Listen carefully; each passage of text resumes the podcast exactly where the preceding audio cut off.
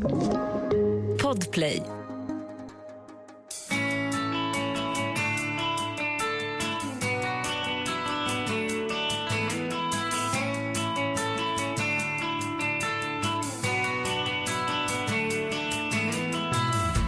Hej och välkommen till podden Hälsogåtan. Jag heter Anders Wallensten och jag är läkare, epidemiolog och författare till boken Hälsogåtan. Vad kul att du har valt att lyssna idag. För idag ska vi prata om ett område som jag inte tidigare tagit upp som en nyckel till hälsa, men som kanske borde vara det. Sex.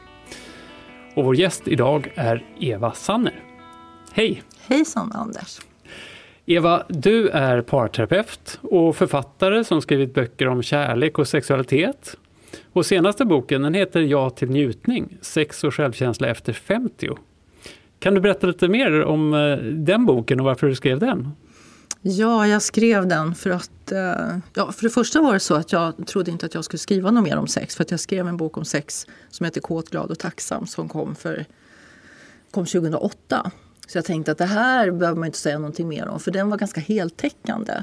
Men sen tyckte jag att det skrevs väldigt mycket om klimakteriet som är väldigt bra att det görs nu och skrivs om kvinnors hälsa och träning och allt som man ska tänka på. Men det skrevs ingenting om sex i de här böckerna. Så då tyckte jag att här behövs det en bok om hur ska kvinnor kunna förhålla sig på ett kreativt och avslappnat sätt till sexualiteten efter menopausen.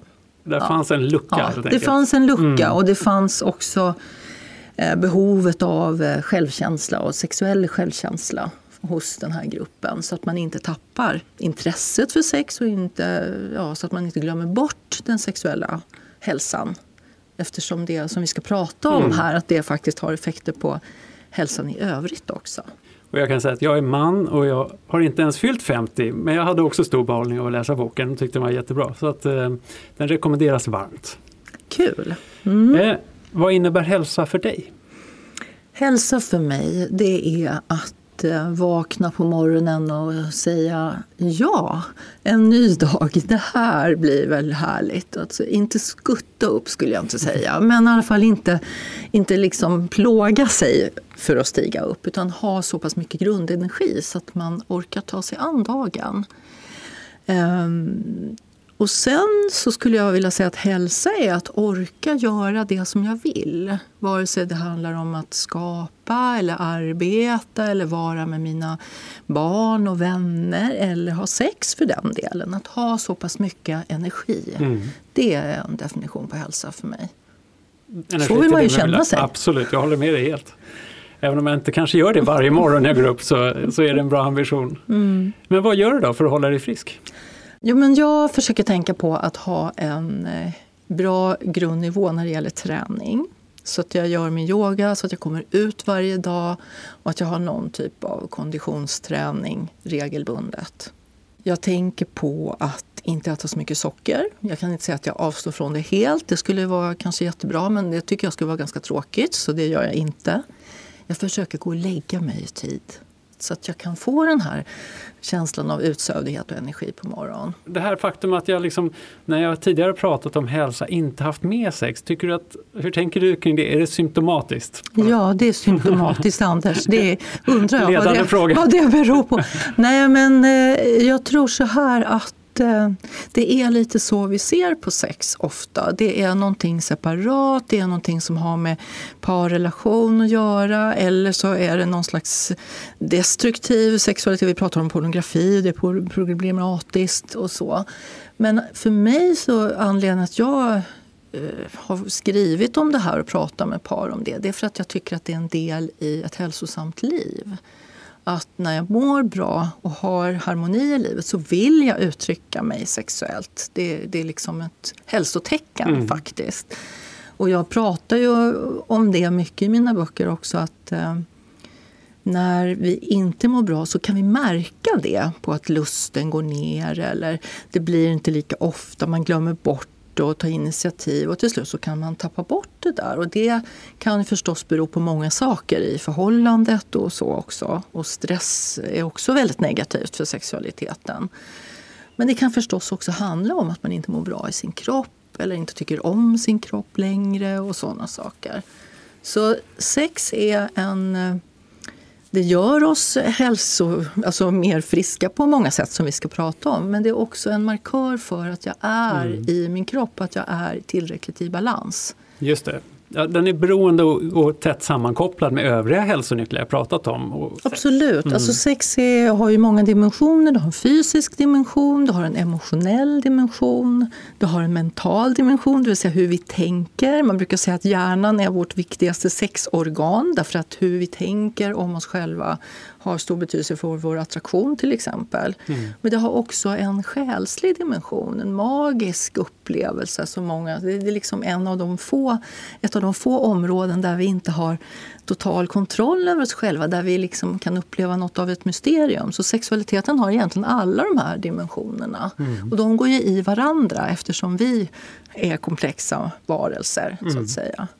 Men den fysiska och mentala dimensionen är ju den vi kanske ofta börjar med att prata om.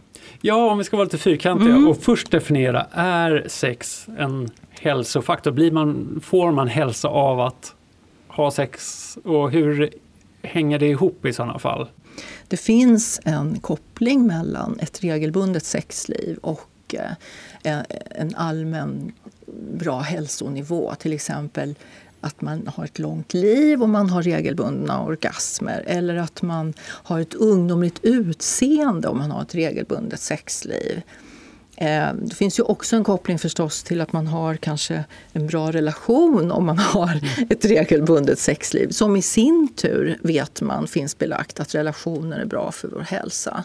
Så det finns, det finns en hel del som man kan se och det gäller ju både män och kvinnor. Och sen är det lite olika hur de här effekterna är. Till exempel så har man sett att eh, eh, sex är bra för blodtrycket, särskilt hos kvinnor. Mm. och framförallt efter 50. Man har sett att vi löser problem, vi blir smartare av sex mm. också. Speciellt gäller det äldre.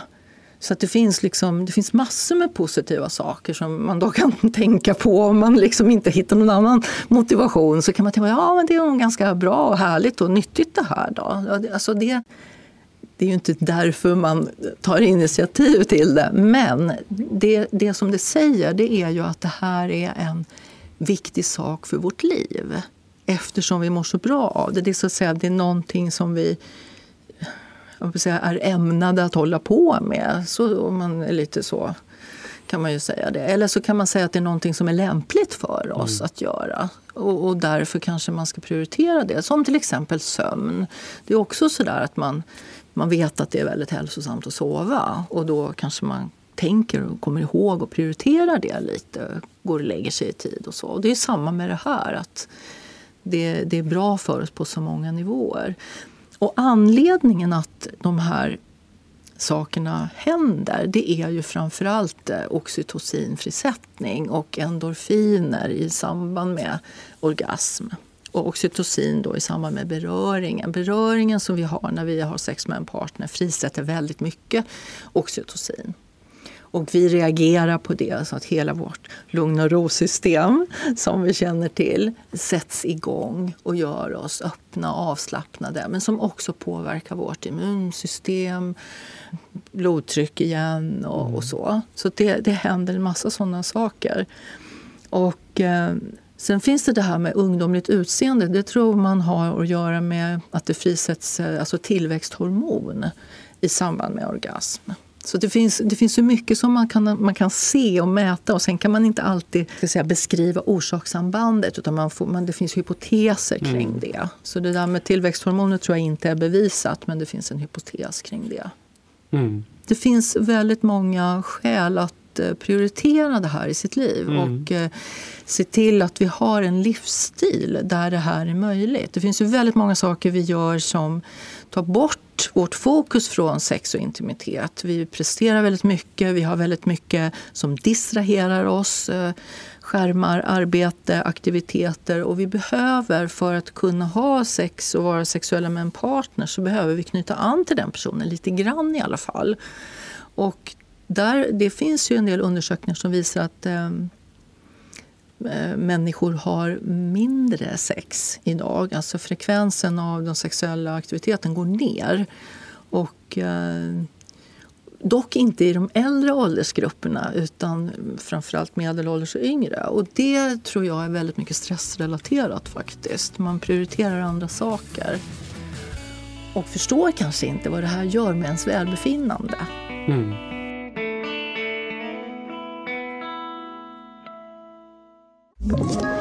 Ett poddtips från Podplay. I podden Något Kaiko garanterar östgötarna Brutti och jag, Davva, dig en stor dos skratt. Där följer jag pladask för köttätandet igen. Man är lite som en jävla vampyr. Man har fått lite blodsmak och då måste man ha mer. Udda spaningar, fängslande anekdoter och en och annan arg rant. Jag måste ha mitt kaffe på morgonen för annars är jag ingen trevlig människa. Då är du ingen trevlig människa, punkt. Något kajko, hör du på podplay. Därför är gardinerna.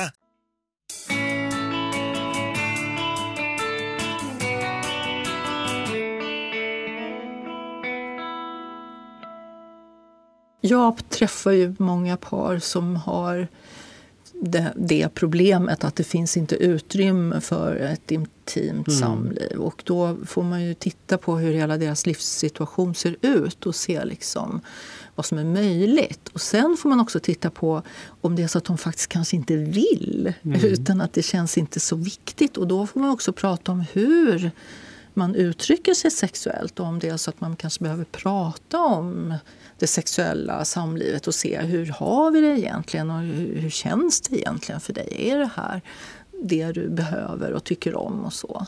Och det är också någonting som jag såg när jag skrev den här boken som riktar sig till kvinnor efter 50. För då finns det en myt här som är att kvinnor efter 50 inte är så intresserade av sex. Men det är de visst när man undersöker det här närmare och gör både intervjuer och tittar på forskning. Så men däremot så är många kvinnor missnöjda med hur sexet är med partnern och vill ha en förändring. Och om inte det är möjligt och inte de får gehör för det då kanske man faktiskt inte har så stort intresse. Så ibland är det flera lager i det här mm. att titta på vad, är det som, vad beror det på att det inte prioriteras och inte finns med i förhållandet längre. Och det var, jag tyckte att det var både dåliga nyheter och goda nyheter. För det var ju också så att det fanns en förändringspotential här. Att här kan vi prata med varandra om sexualitet, om önskningar om eh, vad, vad som kanske funkade förut men som inte funkar längre. Att man vill ha på ett annat sätt nu eller behöver det. Och det, det upplever jag är väldigt viktigt i, i relationer och mm. även för män. Därför att det är ju så att det är inte bara kvinnor som förändras när vi blir äldre. Det gör män också. Och många män känner en prestationskrav när det gäller sexualitet när man blir äldre. Erektionen är inte lika pålitlig och, och så. Och har man kanske misslyckats en gång så känns det lite jobbigt. Alltså det kan lätt gå troll i det här även mm. för män. Och därför är det jätteviktigt att prata om hur vill vi vara sexuella nu och vad är det som funkar så att man kan fortsätta att ha de här hälsoeffekterna även som äldre. För jag tror faktiskt att äldre behöver det ännu mer än yngre. Ja, och jag kan också tänka mig att sex är ett kitt som håller ihop en relation väldigt mycket. Håller du med? Jag skulle säga det, absolut. Det, finns ju, det skrivs om det i tidningar ibland och vi har en vit relation. Det låter så oskuldsfullt och så.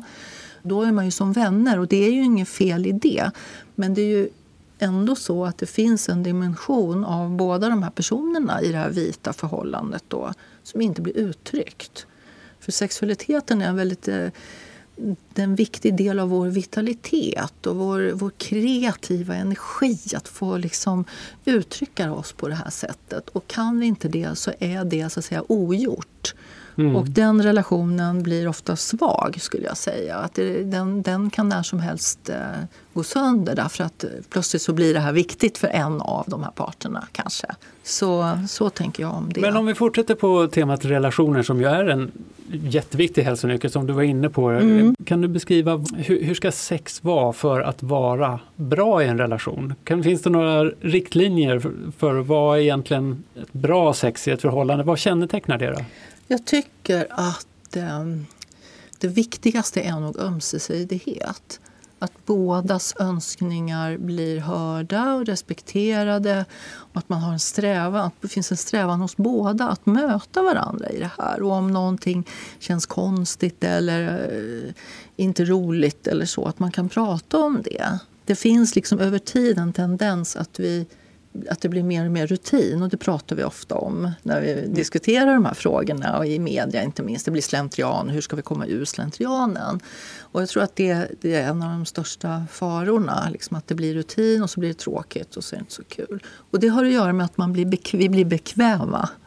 Så att vi, vi liksom, att komma ut ur den där rutinen ibland och vara den som tar ett initiativ till någonting annat eller på en annan plats eller på ett annat sätt. Det behöver inte vara så märkvärdigt.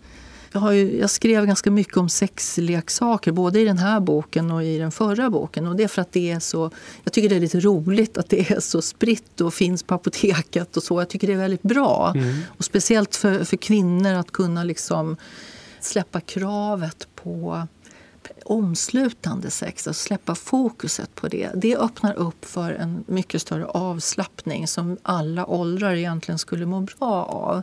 Därför att när vi släpper det då kan vi ha sex ofta som inte behöver vara så märkvärdigt. Och, det, och, och, och omslutande sex då menar alltså du? penetrerande mm. sex. Mm. Det finns ett fokus på det i vår kultur och det skapar en stress hos både män och kvinnor. Det blir mer prestation det finns också undersökningar som visar att de flesta kvinnor får inte orgasm av vaginal penetrering utan behöver stimulering av klitoris för att nå orgasm. Alltså 70% av kvinnor funkar så. Mm. Och då är det ju eh, jättetråkigt skulle jag säga att det blir sånt fokus på det. Så att här behövs det liksom luckras upp lite och pratas om olika uttryck sätt man kan göra. Och våga, alltså kvinnor behöver förstås våga säga vad de tycker om, och män också. Det var ett långt svar på ja, frågan men, vad som är ett bra sexliv. Jag tror det är en viktig fråga för att många av oss famlar ju liksom lite i mörkret ändå. Man vet att det är bra men vad, hur kommer man dit och vad gör man om det har stagnerat? Så jag tycker det var många bra svar på frågorna där. Men, men om man tänker så här, om man inte är i en relation, vad, hur gör man då? Kan man ändå mm. ha hälsosamt sex på något mm. sätt, att det, så att eh, man får hälsoeffekterna fast utan relationen. Går det? Alltså, jag fann ju det när jag gjorde research för den här senaste boken. Hur viktigt det var för de här kvinnorna speciellt med, med solosex, som jag kallar det för, då, onani. Och att det är ett sätt att hålla sexualiteten levande när du är äldre så att du inte glömmer bort det. Det håller slemhinnor och muskler igång. Det är, det är väldigt bra. Och det är klart att orgasmen är ju samma fysiologiskt sett. Sen får du inte alla de här beröringseffekterna som du får när du är tillsammans med en partner med all smekning och närhet mm. och hela kroppen och så. Jag träffade många kvinnor som eh, hade upptäckt det här som äldre och eh, de ångrade att de inte hade gjort det tidigare. Och det är ju så att det här skiljer sig mans och kvinnorollen ganska rejält åt därför att eh, många män har en större frihet när det gäller det här att tillfredsställa sig själva och det är inte lika skambelagt. Men när det gäller kvinnor så finns det en lång historia av att man tabubelägger kvinnlig onani. Det var inte så länge sedan man faktiskt hamnade på psyket när, mm. om man höll på med sånt och var kvinna. Det är inte, om man tittar historiskt så det, det är lite skrämmande mm. faktiskt. Och det här upptäckte jag när jag gjorde det här. Liksom, nej, men, nej men hallå, det här är ju jättehemskt. Liksom. Det är friskvård för både män och kvinnor att hålla den här igång och att lära sig förstå sin sexualitet, hur man fungerar. Och för män också. Eh, sen tror jag att rent fysiologiskt så blir det starkare effekt av eh, sex med partner. Men det kan också ha en väldigt stark emotionell betydelse att ge det här till sig själv. Jag pratar om sexuell självkänsla. Ja. Och det är en av de sakerna som är den, en av de viktigaste faktorerna för att ha ett, ett bra sexliv som mm. person. Det är att ha, man pratar om en bra genital självkänsla. Det vill säga att man tycker om sin kropp, man tycker om hur man ser ut, hur ens kön ser ut. Och här Eh, här finns det så mycket tabun faktiskt mm. kvar, konstigt nog. Vi tycker att vi är frigjorda, men eh, vi är nog inte det riktigt. Därför att eh, alla tycker inte om sig själva. Alltså det finns ju till exempel, som jag också skriver om i den här boken, intimkirurgi. När kvinnor opererar sina blygdläppar för att de ska se ut som på porrfilmer. Mm. Och eh, då har man ju helt bortsett från den otroliga variationen på hur kvinnligt kön kan se ut. Och så istället så opererar man sig med väldigt negativa följder ibland, ärrbildning och sånt. Så det finns, just att ha en god sexuell självkänsla, det är ju dörren till frihet. Kunna uttrycka sig och möta sin partner. Ja, och då har vi faktiskt glidit in på ett annat av våra mina, mina hälsonyckelteman som är just tankarna och det verkar ju oerhört centralt när jag läste din bok om just det här med självkänsla, hur man ser på sig själv, om man är trygg i sin kropp. Men det är ju man har, det är vanligt att man begränsar sitt liv och sin sexualitet väldigt mycket på grund av negativa tankar som kanske formas väldigt tidigt i livet. Vill du berätta lite mer om det?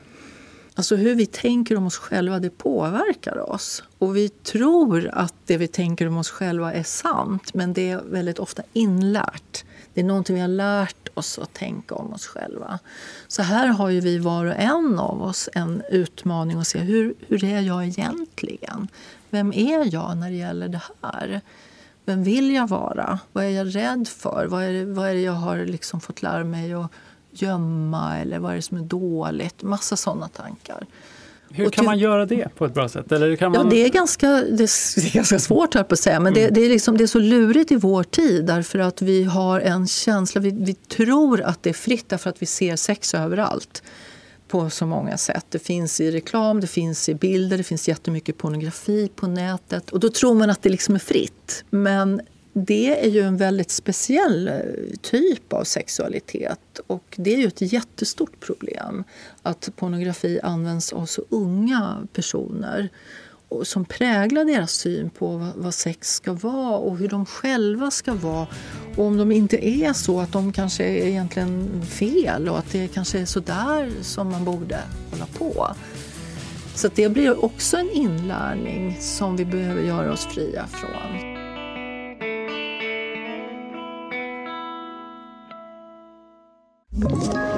Ett poddtips från Podplay. I fallen jag aldrig glömmer djupdyker Hasse Aro i arbetet bakom några av Sveriges mest uppseendeväckande brottsutredningar. Går vi in med hemlig telefonavlyssning och, och då upplever vi att vi får en total förändring av hans beteende. Vad är det som händer nu? Vem är det som läcker? Och så säger han att jag är kriminell, jag har varit kriminell i hela mitt liv men att mörda ett barn, där går min gräns. Nya säsongen av Fallen jag aldrig glömmer på Podplay.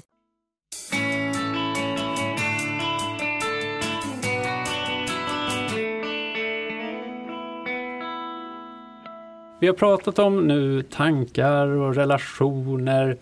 Men man kan ju också se kopplingar just till det här med träning. Hur påverkar träning sex och påverkar sex träning? Hur, hur ska mm. man tänka där? Alltså, sex och träning hör ihop. Så träning påverkar sex jättemycket. Dels är det så att om du tränar så orkar du ha sex. Du, or- du är inte helt slut, du har mer energi. Du är mer rörlig och, och flexibel, vilket är bra. Det är också så att eh, när du till exempel tränar tillsammans med din partner så finns det, det finns undersökningar som visar att då ökar attraktionen mellan dem. Och man tror att det beror på att träningen frisätter dopamin. Och då när man får dopaminpåslag så wow, då, tycker man, alltså då blir man intresserad av sin partner. Okej, okay, så spännande. Så ja. man ska som par man ska träna, träna ihop? Ja, det är bra. Okay. Eh, jag brukar dock inte rekommendera folk som är väldigt tävlingsinriktade att spela tennis eller göra såna tävla med varandra. Men att träna ihop, det är väldigt positivt. Sen är det också så att när vi tränar och har en bra... Man måste inte vara jättevältränad, men man ska vara tillräckligt tränad för att ha en bra eh, kroppsuppfattning njutning eller en kropp, alltså tycka om sin kropp. Man, man tycker ju faktiskt bättre om sin kropp när man är lite i form än när man känner sig som en soffpotatis. Då, då känns det inte lika kul. Man är inte lika benägen att eh, vara intim. Då. Så det har en väldigt stark koppling. Och det finns, eh, det finns undersökningar som visar på det. Att människor som tränar har ett mer aktivt sexliv. Det är klart att man kan ha sex även om man är sjuk, även om man inte mår bra i sin kropp så kan man ändå vilja ha sex och det kan man vilja ha när man är ganska svårt sjuk faktiskt. Och då, då är det ju jätteviktigt att komma ihåg de här hälsofördelarna. Man kan ha en kronisk sjukdom, man kan ha ett allvarligt hälsotillstånd men man kan ändå ha en sexuell funktion och vilja uttrycka det med en partner och må väldigt bra av det. Men man kan behöva lite hjälpmedel då. Jag ville bara säga ja, det också. Det, det är viktigt, så att man inte, absolut. För det kan, man, det kan mm. lätt bli så när man pratar om det här att det, ja, men vi som är soffpotatisar ska inte Ja, och så vidare. och det är lite återigen det här om man tänker hälsa som en helhet att alla kanske inte älskar att träna men man kan Nej. få liknande hälsofördelar av att göra andra saker som sen smittar av sig också.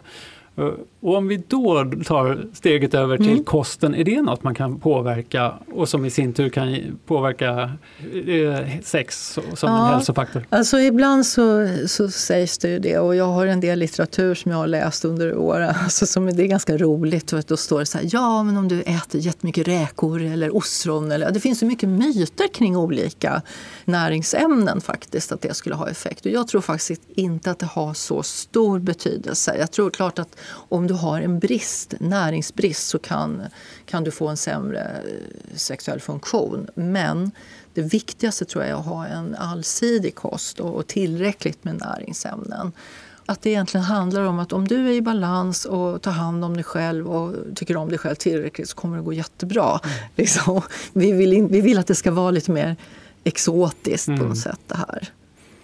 Och man kanske försöker hitta genvägar, det är väl också det? Genvägar mm. också, mm. exakt. Så att man vill hellre ta ett piller. Ja. Liksom.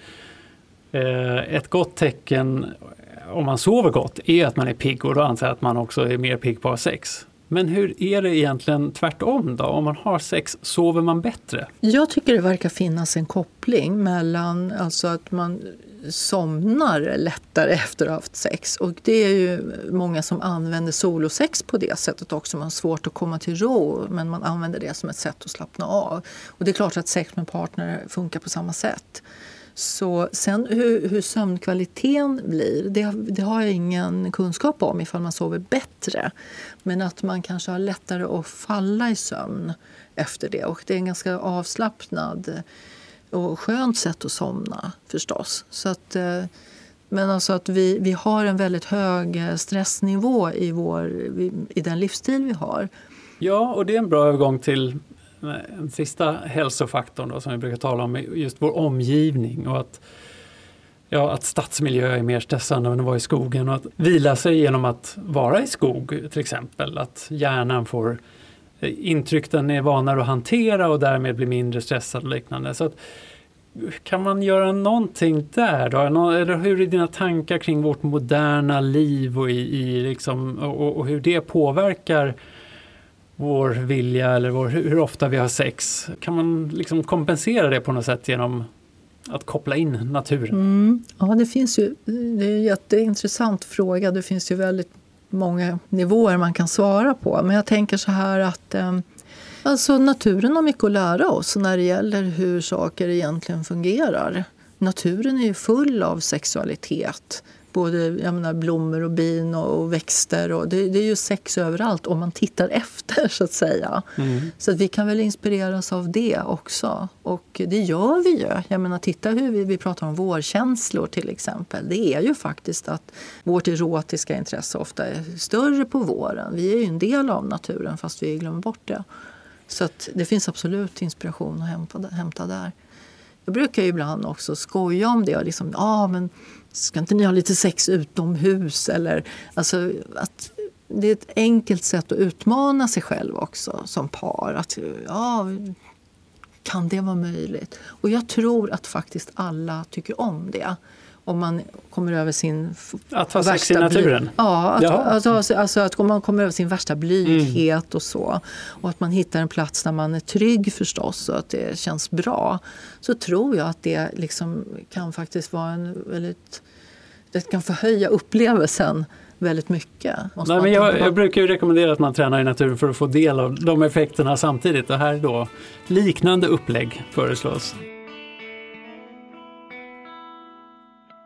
Vad skulle du säga, vad är det viktigaste som gör sex hälsosamt och vad gör det ohälsosamt? Kan man summera det på något sätt? Alltså det hälsosamma sexuella mötet, det är ju i avslappning och det är med en regelbundenhet. Och det är också att det finns en tillåtelse för personer att ha ett eh, sexuellt möte med sig själva. Att man inte måste ha en partner för att få vara en sexuell eh, varelse. Det tror jag är viktigt. Mm. Att det är en del av ens vardag. Att det inte måste vara några speciella förutsättningar för att det här ska hända. Utan att det ska kunna hända i, i, i vårt vardagsliv. Och sen såklart att det finns eh, Ja, om man nu ska prata ohälsosamt då, så tänker jag kravfyllt sex. Eh, tjatsex som det heter, när en egentligen inte vill men tycker att den måste eller så. För att vi ska vilja praktisera det här då behöver vi få de här härliga och goda effekterna och känna oss eh, trygga och respekterade. Jättefina ord där tycker jag. Om vi ska avsluta med ett konkret tips till lyssnarna. Har du någonting så här som de kan tänka på och kanske börja praktisera redan idag? Ja, ett väldigt enkelt tips det är ju att om, om du har en partner att du ger den personen sexuell uppskattning talar om vad du är attraherad av hos den personen och vad som får dig att tända på den här personen så att den får känna sig åtråvärd. Och så kan du se vad det gör med, med, med relationen och vad som händer då. Det är ett väldigt enkelt tips. Vi önskar ju ofta att eh, vår, våra partners ska bli annorlunda. Vi lägger väldigt ofta problemet där. Kan inte hon, kan inte han? Och så glömmer vi att vi kan göra väldigt mycket själva. Och sen så tycker jag att det här med, med sex är viktigt för alla att eh, hitta ett avslappnat förhållningssätt till. Så det är också någonting som jag skulle rekommendera. Eva, tack så hemskt mycket för att du kom hit och pratade med mig och till alla er som lyssnar idag. Jag tycker att vi har täckt det här området eh, väldigt brett och fått fram många nya insikter och bra att veta saker om sex och hur sex kan vara en hälsofaktor i våra liv. Så stort tack att du kom hit. Tack själv, det var jätteroligt. I nästa avsnitt av Hälsogåtan ska det handla om ett hälsoområde som du kanske tror att du har koll på, maten. Men hur det står till med den saken får du veta när Linda Backman kommer till podden. För hon är kostrådgivare åt både vanligt folk och den svenska OS-truppen. Alla avsnitt av Hälsogåtan hittar du i gratisappen Podplay eller ett nytt avsnitt varje tisdag på alla andra plattformar. Jag heter Anders Wallensten, producent Lisa Tallroth och klippning Mats Liljenberg. Hej då! Tack för idag! Hälsogåtan är en podd från Bonnier Fakta. Podplay ett poddtips från Podplay. I fallen jag aldrig glömmer djupdyker Hasse Aro i arbetet bakom några av Sveriges mest uppseendeväckande brottsutredningar. Går vi in med hemlig telefonavlyssning och, och då upplever vi att vi får en total förändring av hans beteende. Vad är det som händer nu? Vem är det som läcker? Och så säger han att jag är kriminell, jag har varit kriminell i hela mitt liv men att mörda ett barn, där går min gräns. Nya säsongen av Fallen jag aldrig glömmer på Podplay.